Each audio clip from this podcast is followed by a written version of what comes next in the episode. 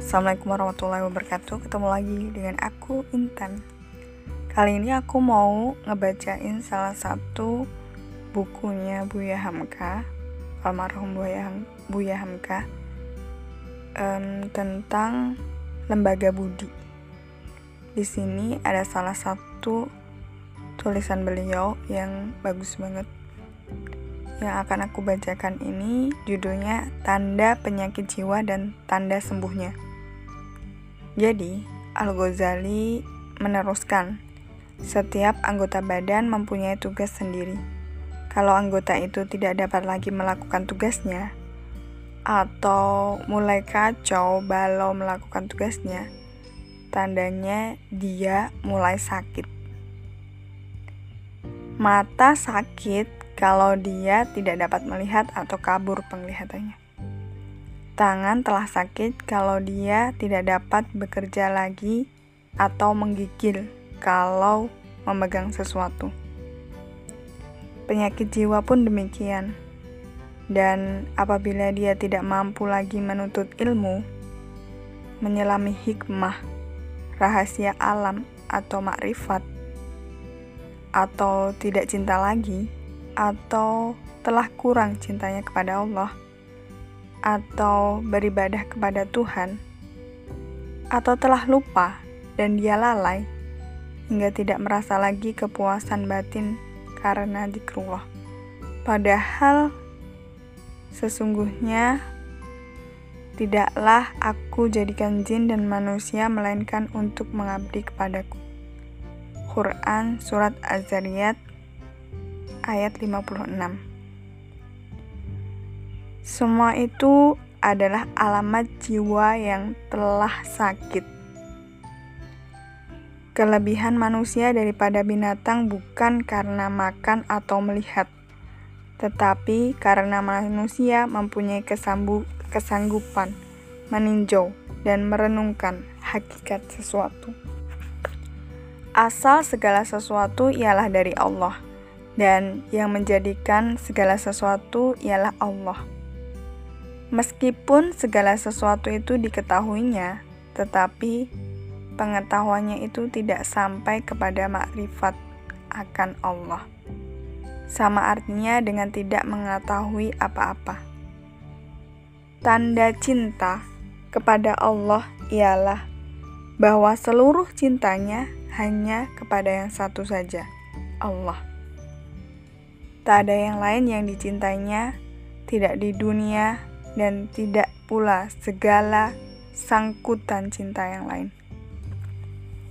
Firman Tuhan, katakanlah, jika bapak-bapakmu, anak-anakmu, saudara-saudaramu, istri-istrimu, keluargamu, harta kekayaan yang kau usahakan, perdagangan yang kau khawatirkan kerugiannya, dan rumah-rumah tempat tinggal yang kamu sukai. Lebih kamu cintai daripada Allah, maka tunggulah sampai Allah memberikan keputusannya. Dan Allah tidak memberi petunjuk kepada orang-orang yang fasik.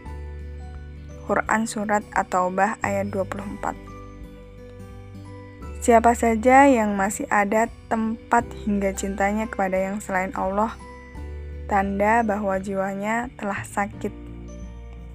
Ada penyakit badan yang tidak diketahui oleh si sakit. Maka, sakit jiwa pun ada juga yang tidak diketahui oleh si sakit. Si sakit tidak tahu bahwa dia sakit. Sebab itu, dia lalai untuk bertobat. Kalaupun dia tahu jenis penyakit itu, tidak pula dia tahan meminum obat yang pahit atau sukar baginya, sebab obat itu berlawanan dengan sahwatnya. Memang susah, tapi ada juga orang yang diberi taufik oleh Tuhan ada juga orang yang tahan meminum obat pahit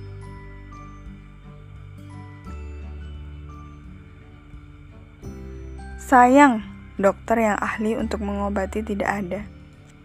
Maka, dokter untuk pengobatan sakit jiwa ialah ulama.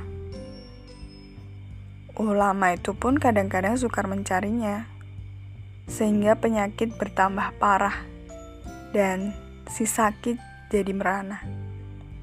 Ilmu kedokteran jiwa bertambah mundur sampai kepada akibat bahwa kedokteran jiwa ditinggalkan orang sama sekali. Sampai orang kepada kesimpulan bahwa penyakit dalam jiwa itu tidak ada. Karena itu berduyun-duyun ya, berduyun-duyunlah orang mengejar dunia dan beramal yang pada lahirnya kelihatan sebagai ibadah. Padahal dalam hatinya tidak lain daripada adat kebiasaan saja. Inilah pokok dari segala penyakit jiwa. Adapun tanda-tanda bahwa jiwa mulai sehat kembali sesudah diobati dengan mengeluarkan harta dan menafkahkannya menurut yang pantas, sehingga tidak sampai kepada boros. Karena yang dikehendaki dalam menegakkan budi ialah jalan tengah di antara keborosan, di antara keborosan dan kelalaian. Oleh karena jalan tengah sangat sulit ditempuh, niscaya orang yang mendapat jalan lurus dan tengah itu di dunia ini wajib berusaha berjalan di atas jalan lurus itu. Namun, jarang yang terlepas dari ujian angin badai itu. Sedikit saja hati tercondong, payahlah melepaskan diri. Istiqomah, jalan lurus dan tetap tidak membelok ke kiri kanan adalah satu perjalanan yang sangat sulit.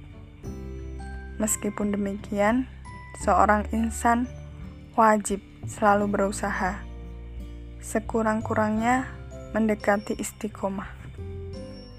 Sekian, wassalamualaikum warahmatullahi wabarakatuh.